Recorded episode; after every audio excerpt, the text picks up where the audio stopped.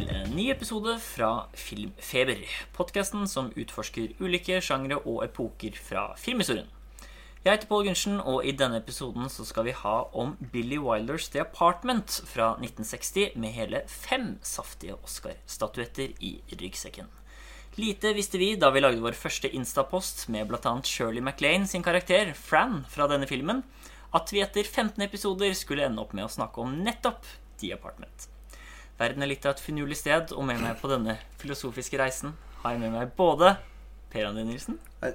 og Tommy Larsson. Hei. Det lå litt i kortet altså, at vi skulle, det var planlagt at vi skulle prate om det her. Det var forutbestemt. I underbevisstheten. Ja. Vi hadde jo en liten eh, konkurranse nå på Insta, hvor vi hadde to filmer du kunne velge mellom. En liten poll. Og da hadde vi da Akira og The Apartment, og det ble close race.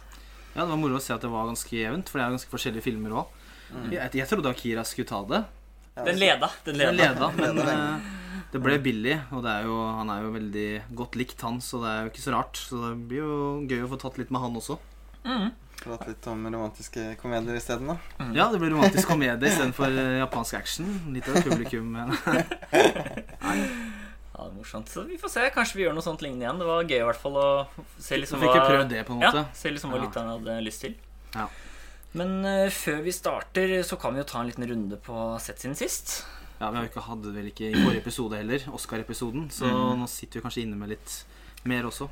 Ja, vi så litt sånn rundt Det var jo på Tops Anderson, da måtte vi se de filmene, og så var det Oscar, så nå har vi jo sett litt mer fritt, da, siden det. Jeg tror vi hadde en liten sånn sett siden sist på den Paul Thomas Anderson-episoden, men det var ikke, var ikke mye, så Mm. Jeg tror jeg gravde langt bak. som Ja. jeg har sett for lenge siden. jeg mumla vel noen Passion of the Christ, tror jeg. To minutter. Eh, ja, jeg kan, jeg kan starte denne gangen, jeg. Eh, og jeg har sett uh, noe så snevert som to Boris Karloff horrorfilmer, faktisk. oi, oi. Kjør. Det er da Isle of the Dead fra 1945 og The Walking Dead fra 1936, altså. Mye dødt død. Ja, det ser jeg faktisk nå, tenkte jeg ikke over. Eh, og den første handler da om ja, nevnte Boris Karloff, som var en general under Balkankrigen i 1912. Oi. Og skal da sammen med en reporter ut på en øy for å, å hedre sin avdøde kone, som da er gravlagt på denne lille øyen. da. Og det er et ganske stort ensable med forskjellige folk på denne øyen. Det er en diplomat, en lege, arkeolog, smed, nonne, masse forskjellige. Og- Smed noe med. Ja, ikke sant? Og mens de er på denne øyen, så kommer det da en pest. Ikke sant? Det er en aktuell film med korona nå. Ja. Og det gjør at de da blir fanget i karantene på denne øyen. katta. Og jeg skal ikke si videre, men det begynner da å skje mystiske ting. Så det er da en litt sånn interessant horrorfilm om man liker det. Da. En litt sånn uvant premiss. Vil du anbefale mer enn på en måte den standard type 30-40-talls horror på dusinefilm, eller Mm, Nei er den ganske lik formel? Er det lik formel som de andre, at den er 70 min og action skjer siste ti? Ja, ja. Ja, ok. Ja. Akkurat Her, vi blir så populære at det ringes i uh, duer i mobiler her. Det er det som klager over at det ikke blir Akira. Så jeg sender inn en ny stemme. Ringer fansen og klager her. Ja. Få broren din til å roe ned her. Eh, og så er den andre, og den vil jeg Altså, jeg kan anbefale begge, men den vil jeg anbefale mer, da. Det er da The Walking Dead, som jeg nevnte. Som er jo blitt en kjent serie, men det har ingenting med det å gjøre. En helt annen film. Mm. Og det handler da om, ja, én, Karloff, som da er en person som blir uskyldig dømt til døden. Og det er en veldig unik rolle, i hvert fall av det jeg har sett av han. da For her eh, jobber han med mye drama, og han er redd, og han har dødsangst. Og Oi. Det er liksom et helt annen innfallsvinkel enn de klassiske horrorfilmene. da Og jeg skal jo selvfølgelig ikke røpe hva som skjer, men eh, etter hvert så blir det mye mer sånn psykologisk horror da etter eh, disse tingene her først. Og det handler veldig mye om skyld, skyldfølelse, konsekvenser. Og rett og slett ganske overraskende dyp til å være en, liksom en tilfeldig Boris Karloff-film, horror fra 30-tallet, som jeg bare putta på for en sånn liste. Og utover det så kan jeg si at den har veldig bra lyssetning. Oi. Og den er jo fra 30-tallet, så Mank bare ta notater. Ja, det, det var litt overraskende, for det høres ut som en sånn veldig standard zombie-type film. Ikke eller noe. Bortsett fra at den hadde vært veldig tidlig for så vidt til å være det. da Ja. Men så høres det ut som det handla om mye mer eh, Ja, Veldig annerledes ting enn det. Jeg ser, re- rett og slett liksom ikke over King Kong og Frankenstein, og sånn men det var morsomt å liksom se en litt sånn annerledes sånn 30-talls horrorfilm da med nevnte Karloff. Men er det noe overnaturlig der òg, eller er det lov å spørre? Eh, ja, litt. Ja, ja, litt. ja. Mm. ofte. Nettopp. Ja. Mm. Mm. Nei, Ja, men det så det var min, så da kan vi gå videre til eh, Da kan vi ta Tommy neste. Ja, jeg har sett mye siden sist. Eh, Vi hadde jo ikke noen gjennomgang forrige episode, som sagt. Jeg har sett mye. Jeg har sett de fire første av West Anderson på nytt. Jeg venter på Darjeeling Limited Criterion også, så det begynner å balle seg på her. Mm. Kanskje ta en annen gang, kanskje en egen West-episode eller noe. Det blir så mye. Ja, snakk litt om Også sett Critters 1-4, Mortal Kombat fra 1995. Og eh, ja, Men hvis jeg skal nevne noe litt mer utdypende, så blir det da Akira på meg. Og den tapte jo pollen, men her får, teater. men her får dere, her får dere den likevel, altså. Liten shout-out. Det var jo mitt bidrag til pollen, da. Ja. Uh, hva vi kunne snakke om. For jeg har nylig fått en sånn eh, nylig eh, restaurert 4K-versjon, så jeg måtte jo bare kjøre. Og den var helt rå. Nivået på tegningene, både i hvor levende alt ser ut, hvordan alt kommer liksom sammen med lyden, klippet, design på figurene, og klær og verdensbygging og sånn, er bare vanvittig imponerende de første minuttene. Mm. Og det som må ha vært en av de lengste animasjonsfilmene på, fram til den tida, vil jeg tro, på over to timer på 80-tallet. Og bare den åpningen med sånn droneshots, om man kan si det, eh, av Neo Tokyo med sånn dundrende trommer, animert Blade Runner-estetikk, hvor det ble kastet ned i sånn neonskilt, hologrammer, enorme skyskraper med 100 etasjer og bikere som råkjører. Du får sånn intens motorsykkel-action-scene, akkompagnert med sånne der, eh, indonesiske trommer, som jeg fant ut at det var, som var veldig kult, syns jeg. Mm. Ja, jeg elsker det. Ja, den scenen du nevner der, er bare sånn Det er noe av det råeste jeg syns av alt på film. Det er så sinnssykt kult og stemningsfullt. Og det er som du sier, det er nesten bare Blade Runner som har noen sånn lignende åpning av en sånn neonby, da. Hvor du blir Mm. suggerert inn til den sinnssykt kule soundtrack også, da. Og det er litt kult, fordi helt i starten så er man bare nede i en sånn bar, og det er litt rolig. Han går ut og tar motorsykkelen, og så zoomer du ut, og så får du veldig sånn oversiktsbilde, da. Mm. Og hovedrollen med den der røde jakka med sånn pille på ryggen veldig sånn, må være litt inspirasjon for Drive, tenker jeg også. Mm. Ja, det Nei, jeg. jeg skal slutte nå. Det er jo ikke den vi skal prate om, men jeg måtte bare ta litt om den. Eh, og så har jeg eh, nevner jeg også kjapt at jeg har sett uh, Tittycut Follies av Fredrik Wiseman. Mm. Som er en sånn flue på veggen-dokumentar om et psykisk sykehus i Massachusetts på 60-tallet for The Criminally Insane, som de sier i filmen. Eh, mildt sagt ubehagelig, for det er sånn uh, syke folk som blir behandla dårlig. Uh, og den filmen ble delvis forbudt i hele 24 år. Mm. viste seg at den avslørte mye av sykehusets behandling av pasienter og sånn, i ganske stor grad. Så jeg skjønner nesten ikke åssen de kunne bli filma, egentlig. Ja, at han bare kan komme inn der og Mm. filme løs. Og han er jo nå i 90-åra, lager fortsatt sånne flue på veggen-dokumentarer. da Det er aldri mm. voiceover, aldri musikk. Og det startet jo her, da. Dette var hans aller første. Og Ja. den ligger på YouTube for de som vil se. Ja, vi nevnte Så- jo kjapt eh, Det er sånn ligna litt på starten av Nomadland i forrige episode. Ja.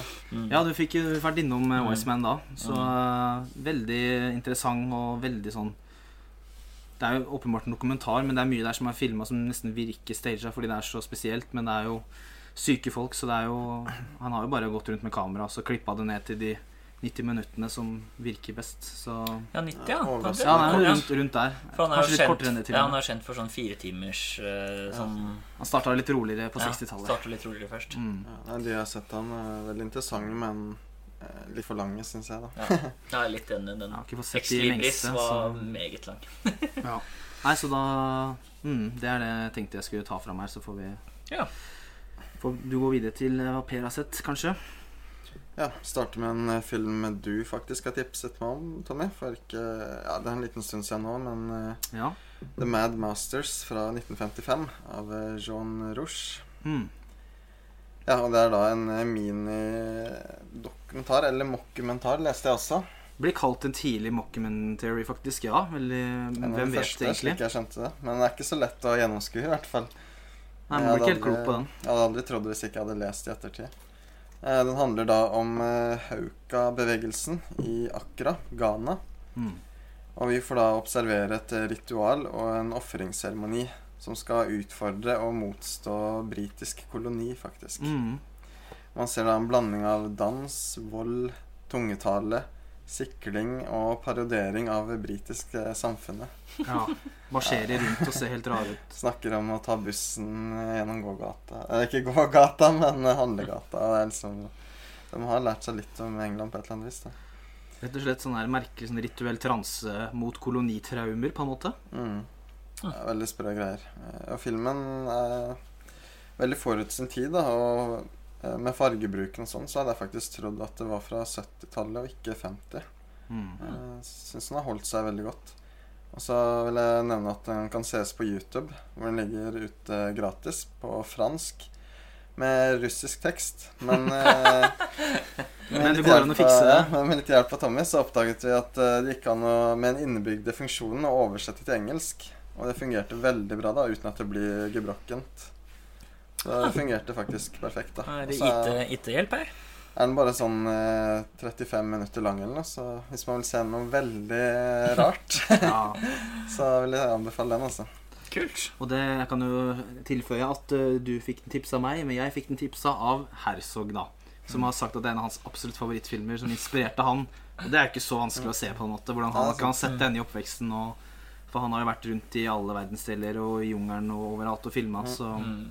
Dette er uh... Det høres ut som du kjenner Herzog. Men... Nei, jeg har sett, eh, puben. sett nok av intervjuer med han gale tyskeren der, så det var han som trakk frem den på sin all time topp ti, var det vel. Oh, Oi, såpass. Altså. Det er kanskje ikke helt topp ti-materiale for min del, men eh, veldig interessant eh, liten ting, da. Mm. Ja.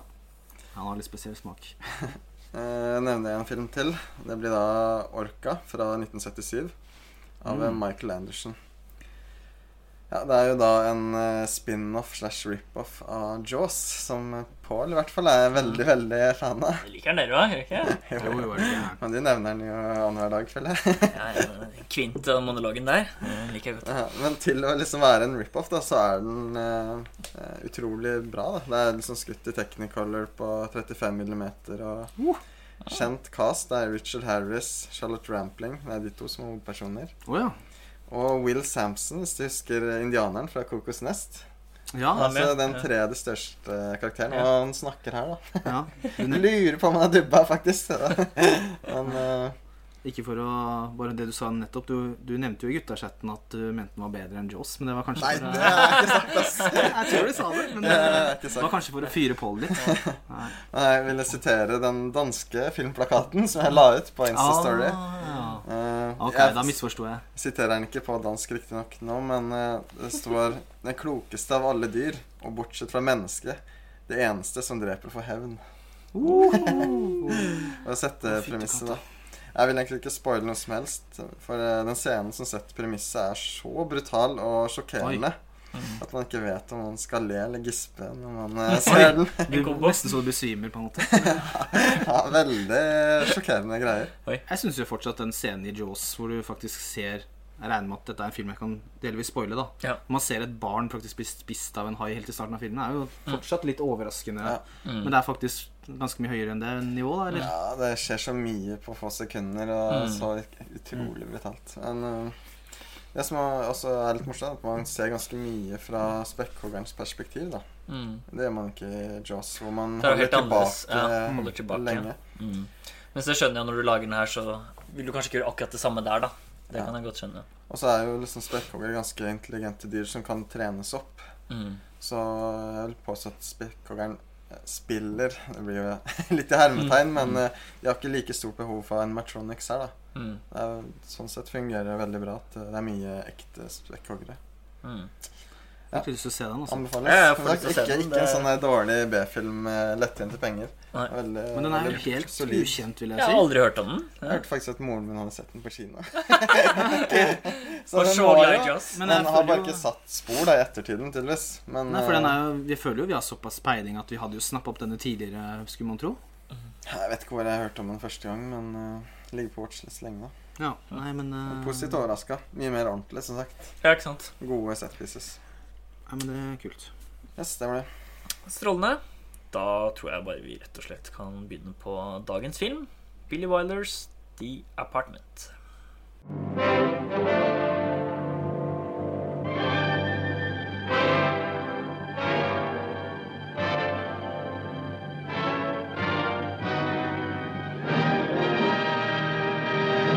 Ingredient number one a very warm, very wonderful story about a boy, a girl, and a very special kind of problem.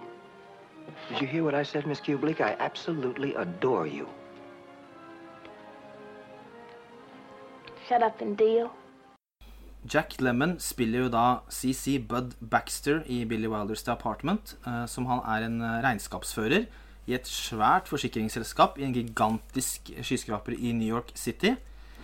Et veldig stort firma. Han leier ut eh, leiligheten sin til forskjellige kollegaer og ledere over han, da, mellomledere, når de rett og slett tar med seg one night stands hjem fra byen. Eh, Og til gjengjeld har de begynt å gi han tjenester på eh, jobben, da, på arbeidsplassen, som får han opp i rangstigen karrieremessig. Og jeg hadde jo Det var jo noen år siden jeg hadde sett denne. For meg så var det tre Nei, fem år faktisk siden sist jeg hadde sett den. Dette var tredje gang jeg hadde sett den. Eh, og ja, vi, vi har jo alle her vår, hva er vår topp 100. Vi har jo sånn eh, med filmer. Og jeg hadde denne faktisk på Jeg sjekka jeg hadde den på 15.-plass før jeg, jeg Åh! skulle ta en rewatch. Da. Eh, kun Sunset Boulevard, som jeg mener er bedre, som jeg da faktisk har helt opp på syvendeplass, uh, for å være helt eksakt. Eh, så jeg var veldig spent på hvordan jeg skulle like dette her. For jeg var ja, åpenbart fan, men jeg var så lenge siden sist, da. Mm. Eh, og jeg eh, ble ikke skuffa. Så den, jeg er superfornøyd, egentlig, etter rewatch. Mm. Hvordan, hvordan var deres møte med filmen for første gang på noen år? Eh, jeg så den vel for ganske lenge siden, jeg òg. Og nå er det vel også tredje for meg, faktisk. Jeg tror nok ikke det var fem år. Men eh, jeg er veldig glad i den, jeg også. Jeg har også ikke så ut som deg, men jeg har hørt på topp 100 også. Og det er kanskje faktisk den jeg liker best av eh, Billy Wilder. Vil jeg si. Jeg tok en sniktitt på lista Mm. di, og da så jeg det var den eneste bildet du hadde Ja. på lista. Mm. En småoversikt. eh, Jeg titta i går, Ja. i går kveld, tok en liten tid titt for å se. Ja. Nei, så jeg er veldig glad i den, og ja, nei, den er Folk fortsatt, fortsatt bra, syns jeg. Jeg ble, ble ikke lei av den tredje gang heller. Eh, også min tredje gang jeg så den i går. Og første gang så elsket jeg den sånn tvers igjennom. Andre gang så var jeg litt skuffa, og så var det en liten Gikk den litt opp igjen nå, tenker jeg. Ja. At, eh, Ja. kanskje ikke noe topp 20 for min del, men uh, en utrolig fin film. 200? Kom igjen. Bedre. Jeg vet ikke. men oppdatere jeg husker jo også når jeg skulle sette den på i går, så fikk jeg litt sånn sjokk av at den var to timer, fem minutter.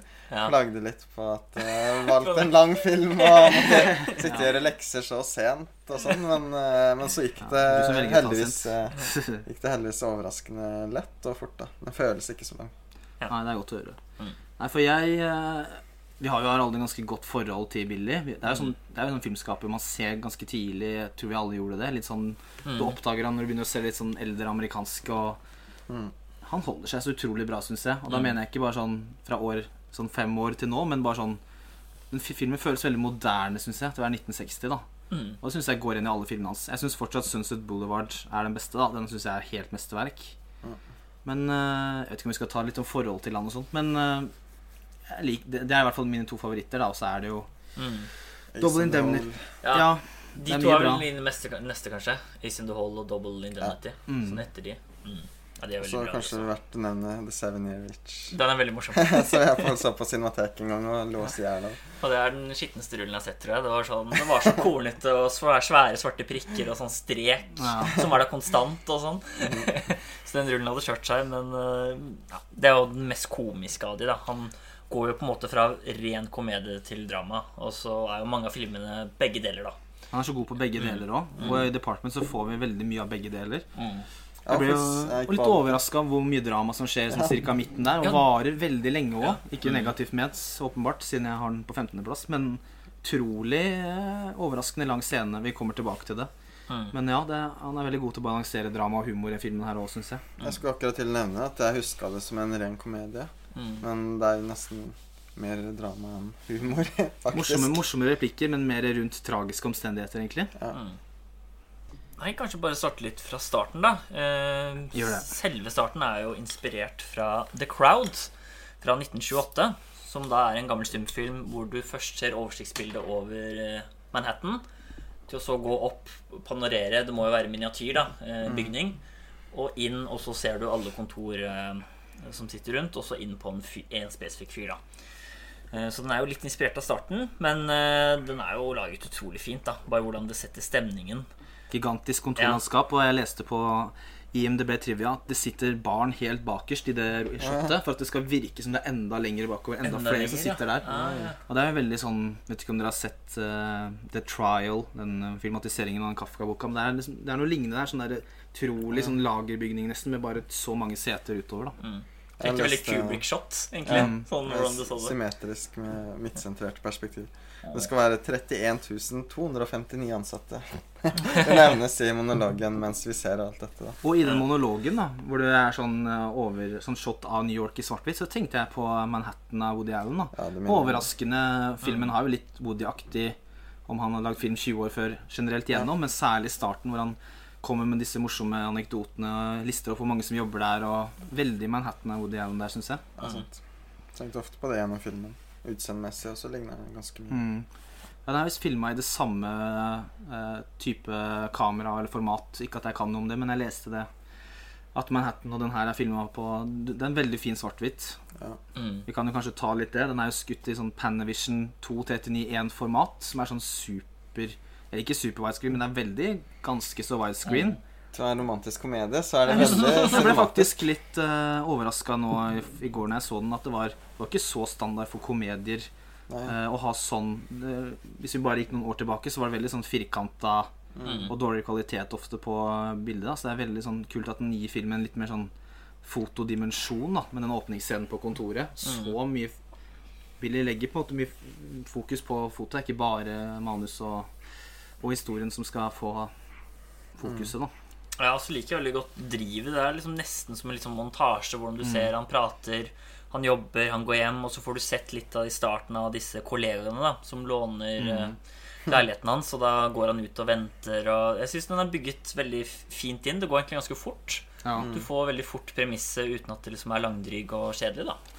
Ja, for det er jo rett og slett Det du sier nå, går jo rett inn på manuset, som rett og slett er sykt bra. da Både, sånn, både hvor morsomt det er, og hvor drivende det er. Liksom, Det er både snappy dialog, men også liksom Jeg vet ikke hvor jeg skal begynne. Det er så mye der. Det er på en måte alt fra puns som går igjen, til uh, referanse til noe som ble sagt for ti minutter siden. Og liksom Alle karakterene er både morsomme, noen blir litt karikerte, men samtidig blir de behandla ordentlig. Ja. Og så føler jeg de har veldig moderne replikker på en måte rundt det de prater om. Det, er liksom, det Det føles høres ikke datert ut. Nei, jeg syns ikke det. Jeg vet ikke om Jeg syns kanskje det høres litt datert ut uten at det er ment som kritikk, men alle er jo som nevner er veldig karikerte. De har hver sin måte å prate på. Nesten aksenter eller eh, egne tonefall. da Så det er veldig klart skille mellom hver enkelt. Og ja, du var litt inne på det. Alle leverer liksom one-liners til hverandre og, og kommer med comebacks, så det er liksom veldig Uten at det blir veldig sånn corny og filmaktig, syns det flyter flyter veldig godt, da. Det føles naturlig. Mm. Altså at karakterene stjeler og, eller viderefører eh, hverandres manus, da, er Mm. ganske morsomt. Jeg, jeg telte i hvert fall ti ganger hvor eh, en person gjenfortalte noe de hørte ti, en annen gang tidligere Mm. i filmen, da, men Mm. nå i et helt annen, helt annen kontekst. da. Mm, det er veldig Fra liksom et humoristisk øyeblikk. Nå gjenfor, gjenfortelles det i en veldig dramatisk setting, da. Veldig morsomt. Hvordan ja, en samme linje kan ha liksom to så u ulike funksjoner eller uh, betydninger. Ja, så er den jo veldig morsom i starten òg, da. Det bygger mye rundt på at alle naboene til eh, Baxter tror jo det er han som har seg damer hver eneste kveld. Og noen ganger er det også dobbeltbooking, så da tror liksom han har flere damer. Og det er veldig mye humor rundt det. Han får så mye naboklager. og Vi kan jo begynne liksom på karakteren rundt han, at han blir jo egentlig veldig mye eid. Han får veldig mye skyld for ting han ikke har gjort selv, da. Og han prøver jo bare å være snill, og han får jo en sånn eh, eh, forkjølelse fordi han må være ute veldig lenge.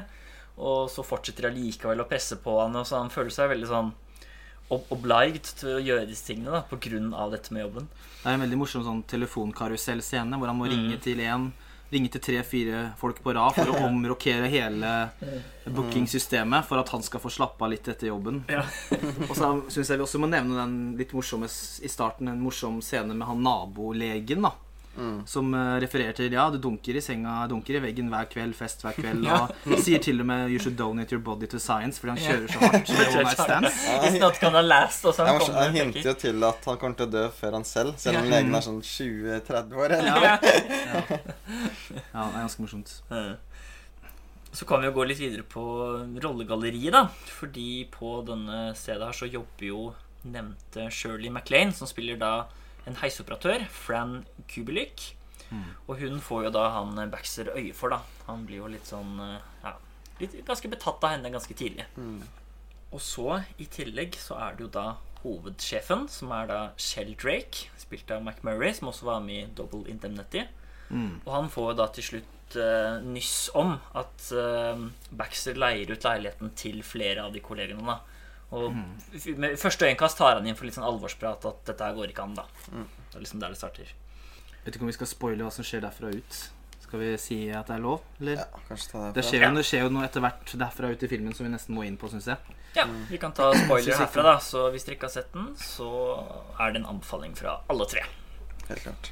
For det som viser seg, er jo at Sheldrake også har et øye til Fran. Og det er jo det Hele filmen er jo egentlig Trekantdrama et trekantdrama, rett og slett. Ja. Eh, Jeg vil jo kanskje si eh, Det er jo en romantisk dramakomedie, men jeg vil jo si at det er verdens beste dramakomedie, da. Egentlig. Ja, det syns jeg. På en måte. Mm. Eh, Og for det, det gir jo mye for det som Jeg vet ikke om vi allerede skal gå inn på eh, scenen med Fran. Vi kan kanskje ta den litt senere, men eh, Ja, for Jeg kan egentlig bare nevne nå at når det møtet er, så er det jo en litt plott. Fordi istedenfor å liksom gi han sparken, eller noe sånt, så sier han ok, du må slutte med dette her. Men han har også lyst til å låne leiligheten. Mm. Det er jo det som på en måte er litt den komiske tvisten. da Ja. Og det er jo der liksom de aller største komplikasjonene starter da rundt dette. her, For da er det liksom hovedsjefen, og det kan også gjøre at han kan få en enda høyere eh, stilling da og forfremmelse i selskapet. Ja, og det, det som skjer er jo at eh, Det er jo et eh, trist eh, Det som skjer er at Fran rett og slett prøver å ta livet sitt eh, i den scenen hvor uh, hun ikke ser at det går noen vei med Sheldrake, som fortsatt har gift med kona si, bryr seg ikke om noen ting og drar ut. Ja. Uh, og når Baxter finner ut dette, så er det jo en utrolig morsom scene hvor han har vært på fylla Mm. og møtte en dame som virker som hun kommer rett ut fra Radio Days eller en Woody Allen-film. Med sånn skikkelig Brooklyn accent. Drita full. En nasal stemme. Og dette er jo etter en sånn eh, Dette er vel etter den festen hvor han har fått På kontorfesten hvor han har fått vite mm. at eh, Hvor han oppdager da at Fran og Sheldrake har noe på gang. Mm. Litt sånn Hvorfor Wall Street, den festen eh, på kontoret der. Ja, det må vi nevne litt sånn de festene Det er jo noe av det kuleste av de festene ja, Nå spør jeg litt av, men all, bare alle de tar forskjellige først. festene hvor eh, bra det er gjort, og den kinarestauranten hvor stemningsfull den er med interiøret. Og der har du også sånn nyttårsfest. Og jeg bare syns de er så kult laget, fordi filmen er jo litt mer sånn enkel og nedtonet. Men akkurat de scenene gir mye liv, da. Eh, og den barscenen også, hvor han møter denne damen. Og jeg liker de veldig godt. Mm. Så ja, måtte bare si det. Nei, det går fint. Det jeg skulle si, var bare at når denne Nå hoppa vi kanskje litt fort i det, men det som skjer, er jo denne ganske nesten en halvtime inn i filmen hvor det blir veldig mye alvorlig rundt dette med Frans selvmordsforsøk. Og der syns jeg filmen er veldig voksen. Jeg synes den, den tar det veldig Det er ikke noe sånn snakk om Ah, she's hysteric. Liksom, det er ikke noen lege, han, legen er ikke sånn han er veld, Jeg syns det er veldig realistisk hvordan Selv om som Per sier, det var litt karikert tidligere i filmen, men da syns jeg filmen blir veldig ordentlig, og det føles nesten litt Til å være 1960 så kunne det vært mye mer karikert og teit, den scenen, da. Mm.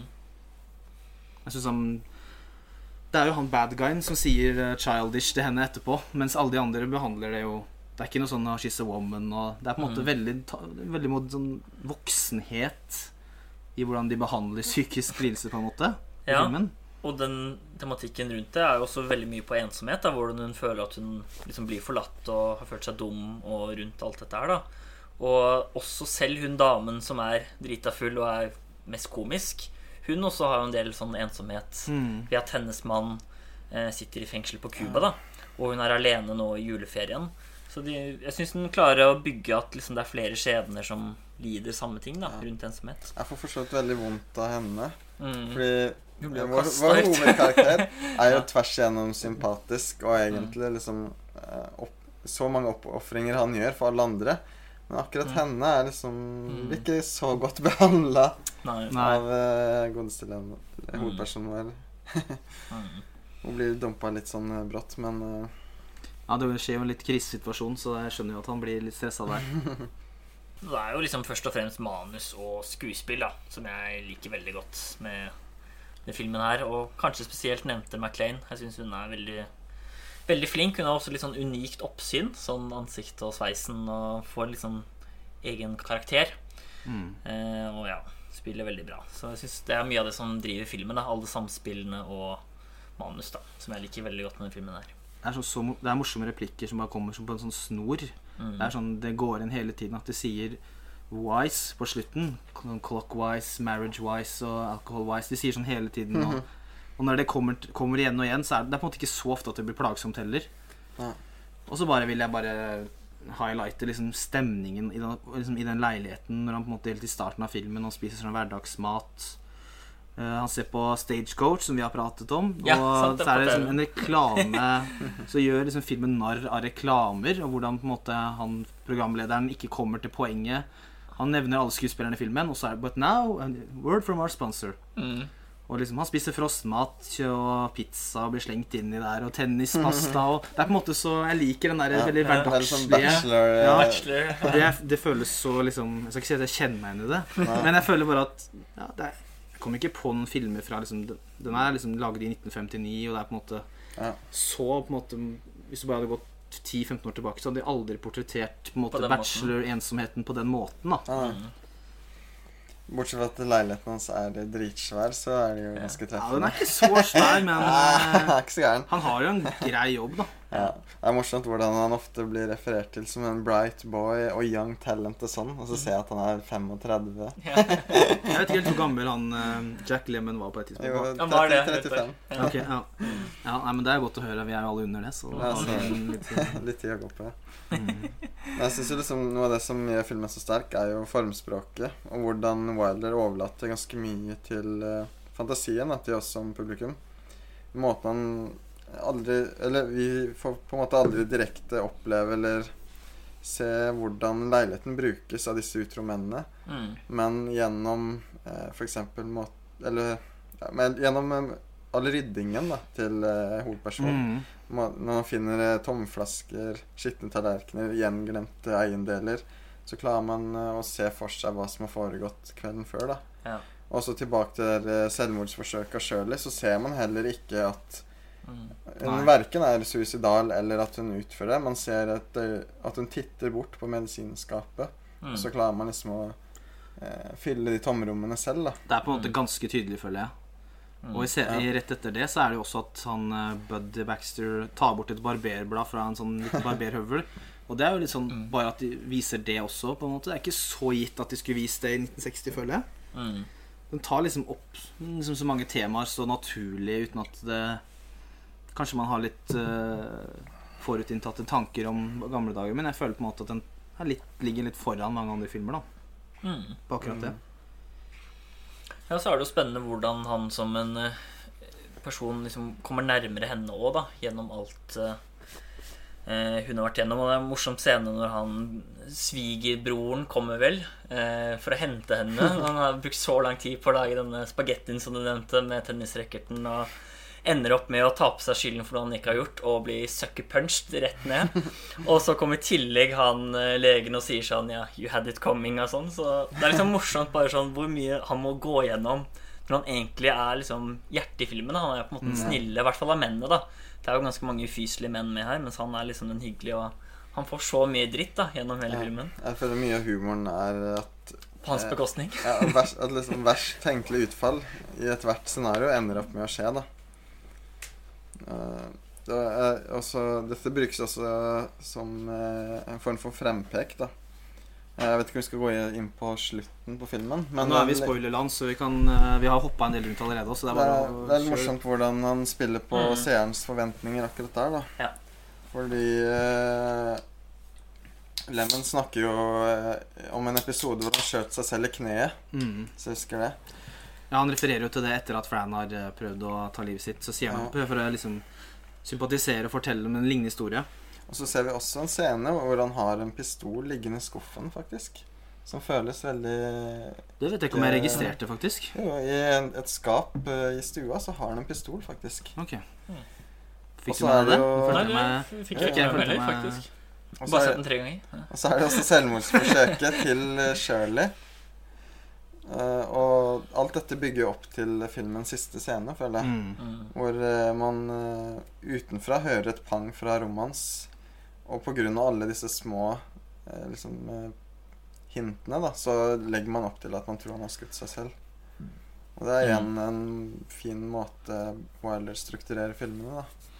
Disse små dryppene med liksom Men ja, ja, kan jeg avsløre at det, bare er eh, champagneflaska han popper, da. Ja. Det syns jeg er en utrolig rørende scene, egentlig. Fordi hun har nettopp eh, Det er nyttårsaften, og Fran, eller Shirley, vi bytter litt på her, har nettopp eh, vært på Hun er, sitter jo på nyttårsaften på denne asiatiske restauranten med Ja. Sheldrake. Utrolig Og, kult filmet, hele den festen der. og vi får endelig Vi ser endelig at hun innser at det hun holder på med, ikke har noe for seg. Mm. Og det er på en måte et sånt bilde av henne som er ganske lenge, hvor hun først tenker, ser ut til å tenke i lufta, så smiler, og så blir det alvorlig igjen. Syns jeg er ekstremt bra. Ja. Mm. Hvor hun så løper opp trappa opp til Bud Baxter, for hun skjønner at eh, jeg må prø det er her jeg må Det er sånne folk jeg må omgås. Mm. Og når da hun kommer liksom svinger rundt den trappa, og du hører det skuddlyden Da bare kjenner jeg det veldig sånn filmrørt, på en måte.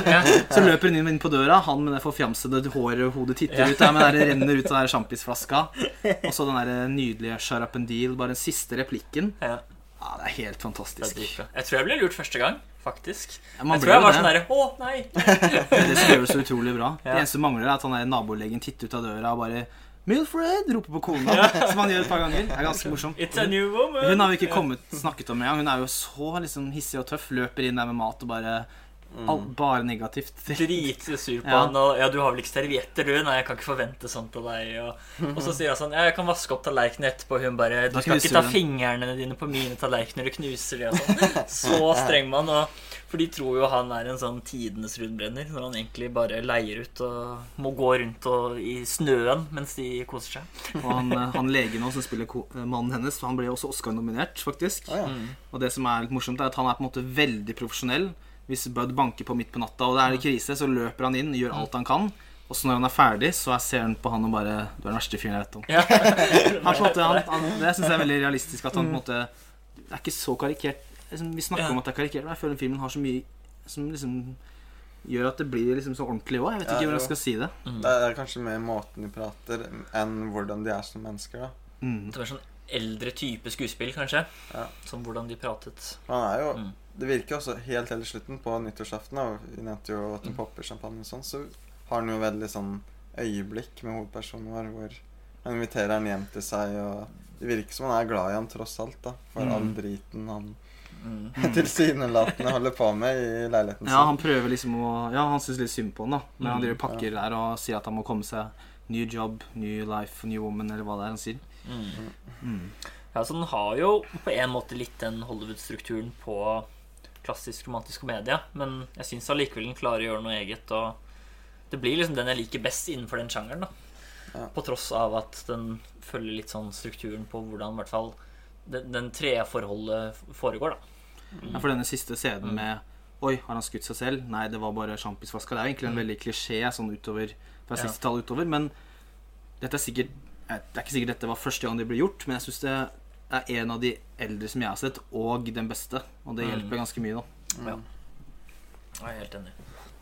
Nei, det er jo også en film om metoo-tematikken på 60-tallet, faktisk. Mhm. Det er jo det det handler om. Det er ikke mange minuttene før jeg blir slått på rumpa i heisen der. Ja, men tenk også Det på også. at uh, hvordan han skurken, som er jeg vet ikke, sjefen over hele selskapet, Virker som han er bruker, tror det. sin, bruker sin makt på, på liksom flørte med Ansatte ja. Og, sparker på rundgang også. Etter fem år eller så Når, eh, når, ja, når sekretæren sladrer videre til Fran om at han er en rundbrenner, rundbrenner, så sparker han jo sekretæren på grunn av det. Så det er ja. Jeg føler jeg er ganske tidlig på å problemati Mm. problematisere akkurat det. da Ja, og han spiller jo veldig bra, sånn utrolig utspekulert og jeg virker jo faktisk veldig troverdig aller først. Sånn der, ja, jeg skal gå fra kona mi, og det er deg jeg elsker, og sånn, men så er det tydeligvis bare en sånn frase han har lært seg, story, you know, ja. Som han fortsetter med fra, fra dame til dame, så han blir jo en sånn skikkelig villain. Og etter dette eh, dødsforsøket så prøver jo han Baxter å ringe han for å forklare alvoret, og da vil han bare sånn Nei, nei, vi ikke ha noe med dette å gjøre. Og sånn, eh, Sitter han i Ganske fæl liksom fyr. store huset sitt utafor byen med sånn perfekt familie og juletre og barn og veldig sånn der mm. Dette er bare bryr meg ikke om det, og kaller henne barnslig når han får høre hva som har skjedd, og Ja. Ja. Vi har jo snakket mye om hvor eh, godt den holdt seg, men det er én scene Ok, nå er jeg spent. Den tror jeg dere vet, som føles utrolig gammel. Ja, mulig. Må si det. Eh, ja, det har gått 100 år siden slaveriet. Og det er én farget person som dukker opp. Ja, ja, ja, det tenkte jeg på. Når den scenen kom, det er Ja, det er faktisk Jeg så flere, men det er en scene hvor det er, det er en flere.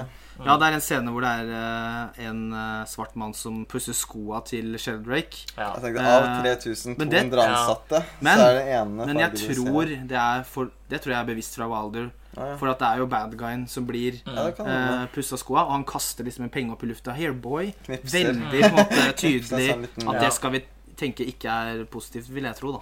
Ja. Okay, Men i åpningsscenen så så men det sitter det flere svarte i bakgrunnen. I den Det gjør der- Ja, det gjør det. Ok, beklager. Nei, det går bra. ja. Så, men, det var også bra veldig- analyse av Tommy, veldig faktisk. Ja, men det la jeg merke til, for jeg, det, liksom det er shotet sånn er så lenge, da, Ja, når det alle de folka sitter bak. Mm. Det er, til, det er flere damer, til og med. Så, Mm. så, så det går bra. Den scenen skilte seg bare så veldig ut. da Ja, nei, den gjorde det. Og det, det er ikke godt å si om, var, ja, kanskje fordi han var en Det liksom er ikke godt å si om jeg har rett der, men det må nesten jeg tenker at det må ha vært inkludert pga. det. da Ja. Mm. Hvis ikke så gir det ikke noe mening. Mm. Får håpe det, i hvert fall. Mm. Ja, sant. Nei, er det noen uh, siste tanker rundt da? Det er vel da mye sånn skuespill og tematikk og mye rundt ensomhet og som kanskje går jeg igjen. er Jeg Ja. har egentlig ikke noe negativt å si om filmen. Ja. Det burde jeg jo ikke ha heller, når jeg mener at den er så bra som den er. Men det er bare Den er liksom så drivende, bra liksom stemning og på en måte flyten. Mm. Morsom og alvorlig, og, pass, og den behandler alle temaene på riktig måte. Mm. Bortsett fra én scene med skopusser. Ja. Eh, er liksom, og slutten er sinnssykt bra, sånn som Wilder Uten å spoile, sånn Sunset Boulevard, siste replikk. Sam Like tatt siste replikk altså, alltid Den siste replikken er alltid veldig god. Ja. Og her føler jeg han treffer veldig på det òg. Det er liksom en litt sånn kul ting, føler jeg. Sånn, de beste siste scenene i film Mm. er Wilder ganske høyt oppe, tror jeg. Mm. En skikkelig god forfatter, egentlig. Mm. Ja. Han vant til Oscar også for manus. Han vant både Og klipp. Sånn er bra flyt. Det er flere som mener at den er bra flytt. Regi Mm. og beste film, var det ikke? Ja, den vant både manus, regi og film, så han fikk tre Oscar. Mm. Så det jeg tror faktisk ikke Nei, jeg skal ikke si det, for det er, nå vet jeg ikke. Jeg skal ikke komme med løgn på podkasten. Jeg skulle til å si at jeg vet ikke om Shirley MacLaine var nominert engang. Jo, men, eh, ok, Hun hun var var nominert også. Ja. Jeg Og hun vant senere. men nabolegen var nominert. Mm. Ja. Han Ja, skulle spiller fått, han skulle fått honorary award. Mm. Yes. Ja, men det var eh, kanskje det. Eh, tusen takk for at dere hører på oss. Og da i neste episode så tenkte vi å ha Akira Kurosawas 'Dreams' fra 1990. Så hvis folk har lyst til å høre den før dere hører på episoden, så har dere da kanskje. muligheten til det. Se, ikke høre filmen. Ja, se. ja du må se også. Begge deler. Kombo. Eh, så ja, det er egentlig det. Så ses vi igjen neste episode.